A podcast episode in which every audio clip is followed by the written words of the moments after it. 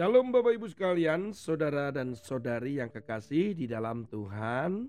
Sukacita dan sejahtera untuk saudara. Kita akan membuka firman Tuhan hari ini di dalam Amsal pasal yang ke-29 ayat yang kelima. Orang yang menjilat sesamanya membentangkan jerat di depan kakinya. Siapa itu penjilat? Nah gitu ya, artinya yang merayu kemudian demi kepentingan pribadi karena agenda tertentu. Ya, kalau di kantor begitu ya, saya dulu waktu masih bekerja, kalau presiden direkturnya lagi uh, datang ke kantor, waduh, orang-orang langsung mendekati, kemudian tasnya langsung dibawakan. Mari, mari Pak, saya bawakan tasnya. saya ambilkan kopi ya pak. Wah gitu ya. Nah kalau saya nggak mau lah. Ya biasa dia suruh bawa tas sendiri aja ngapain ya? Buat saya ya menghormati ya pada batas-batas wajar lah. Diucapkan selamat pagi pak. Itu saja nggak usah. Tasnya saya bawa pak. Wah pengen tampil yes. nah itu apa? Orang pengen tampil orang yang ingin dilihat baik. Kemudian ada agenda tertentu supaya diingat Ya, itu penjilat namanya. Ya, banyak dalam bisnis, dalam pekerjaan mungkin saja terjadi. Tetapi gambaran tentang penjilat ini saya akan membawakan pada kisah yang ada di Alkitab yaitu Ahitofel. Saudara, kisah ini bisa Bapak Ibu Saudara lihat di 2 Samuel lah sekitar itu ya. Daud ini karena dosa-dosanya ya karena dia Eh, membunuh Uria ya sehingga Betseba bisa tidur bersama dengan Daud ya. Nah, si Ahitofel ini adalah kakeknya Betseba. Dia sebenarnya ada dendam dengan Daud. Dan lagian Ahitofel itu juga adalah penasihatnya Daud. Ketika Absalom melakukan pemberontakan yang dimulai dengan seringnya Absalom di pintu gerbang kota, kemudian memberikan nasihat, kemudian berbaikan dengan rakyat gitu ya, tidak harus menemui Daud ayahnya. Di situlah simpati mulai muncul.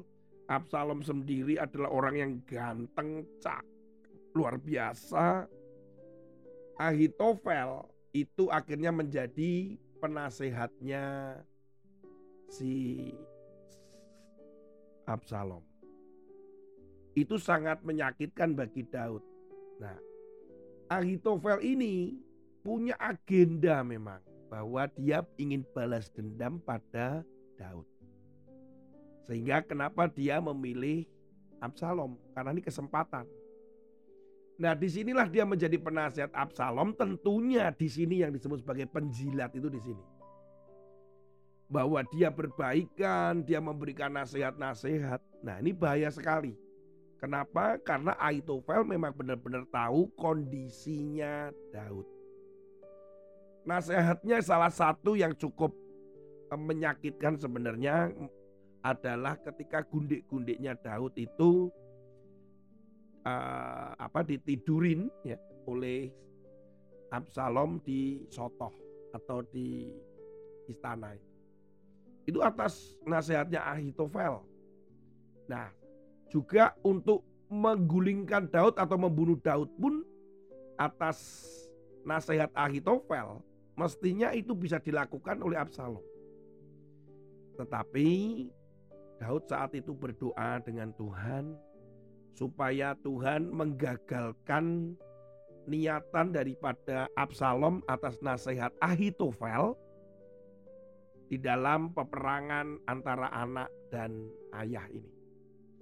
Kemudian atas petunjuk Tuhan juga ya, saya percaya ini adalah hikmat Tuhan yang luar biasa di mana ada Husai orang Arki sahabat setianya Daud diutuslah dia untuk masuk menjadi penyusup di Absalom. Ketika nasihat Ahitofel mulai digencarkan untuk menggulingkan dan membunuh Daud, Husai mencoba dengan cara yang luar biasa untuk mengalihkan nasihat itu. Singkat cerita, nasihat Ahitofel diabaikan oleh Absalom. Kemudian Absalom malah jatuh dan terguling dan kalahkan.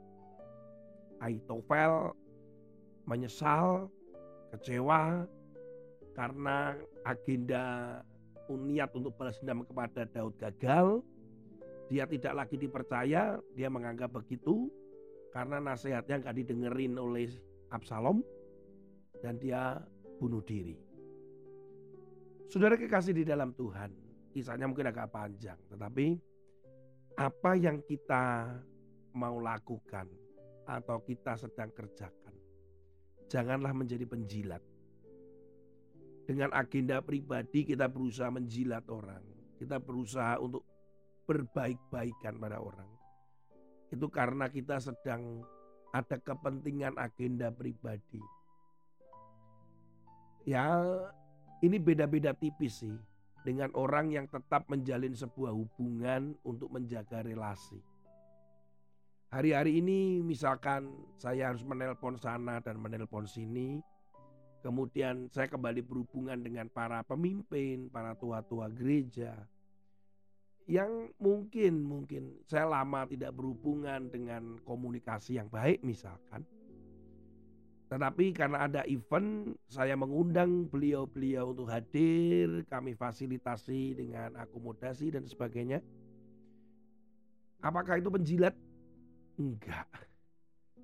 Karena saya tidak ada kepentingan apa pun untuk kepentingan dan dalam agenda pribadi saya.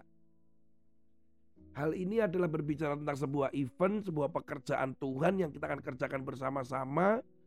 Diperlukan sebuah dukungan, bukan hanya sebuah doa, tapi juga kehadiran. Dan ini adalah mendukung dan menjadi representatif keberadaannya itu dari uh, golongan tertentu atau mungkin dari sinode tertentu, dari kelompok tertentu, dari ministry tertentu sebuah gerakan tertentu sehingga kita bisa berkolaborasi bersama-sama untuk Indonesia, bukan untuk saya. Kalau saya ada kepentingan pribadi untuk saya, misalkan saya minta uang, tapi untuk diri saya pribadi. Misalkan saya mengatakan, wah baik programnya bagus dengan luar biasa Pak. Supaya saya mendapatkan bantuan pribadi finansial kepada saya dan keluarga saya, itu saya menjilat. Tapi kalau itu benar-benar jujur tulus dari hati. Kemudian kita akan bergerak bersama-sama. Itu hal yang luar biasa. Itu yang diinginkan Tuhan di dalam networking atau jaringan. Saling mendoakan, saling mendukung. Hati-hati saudara. Penjilat itu akan terjebak dan dia kena jerat di depan kakinya. Satu kali pasti apa yang ditabur akan dituai.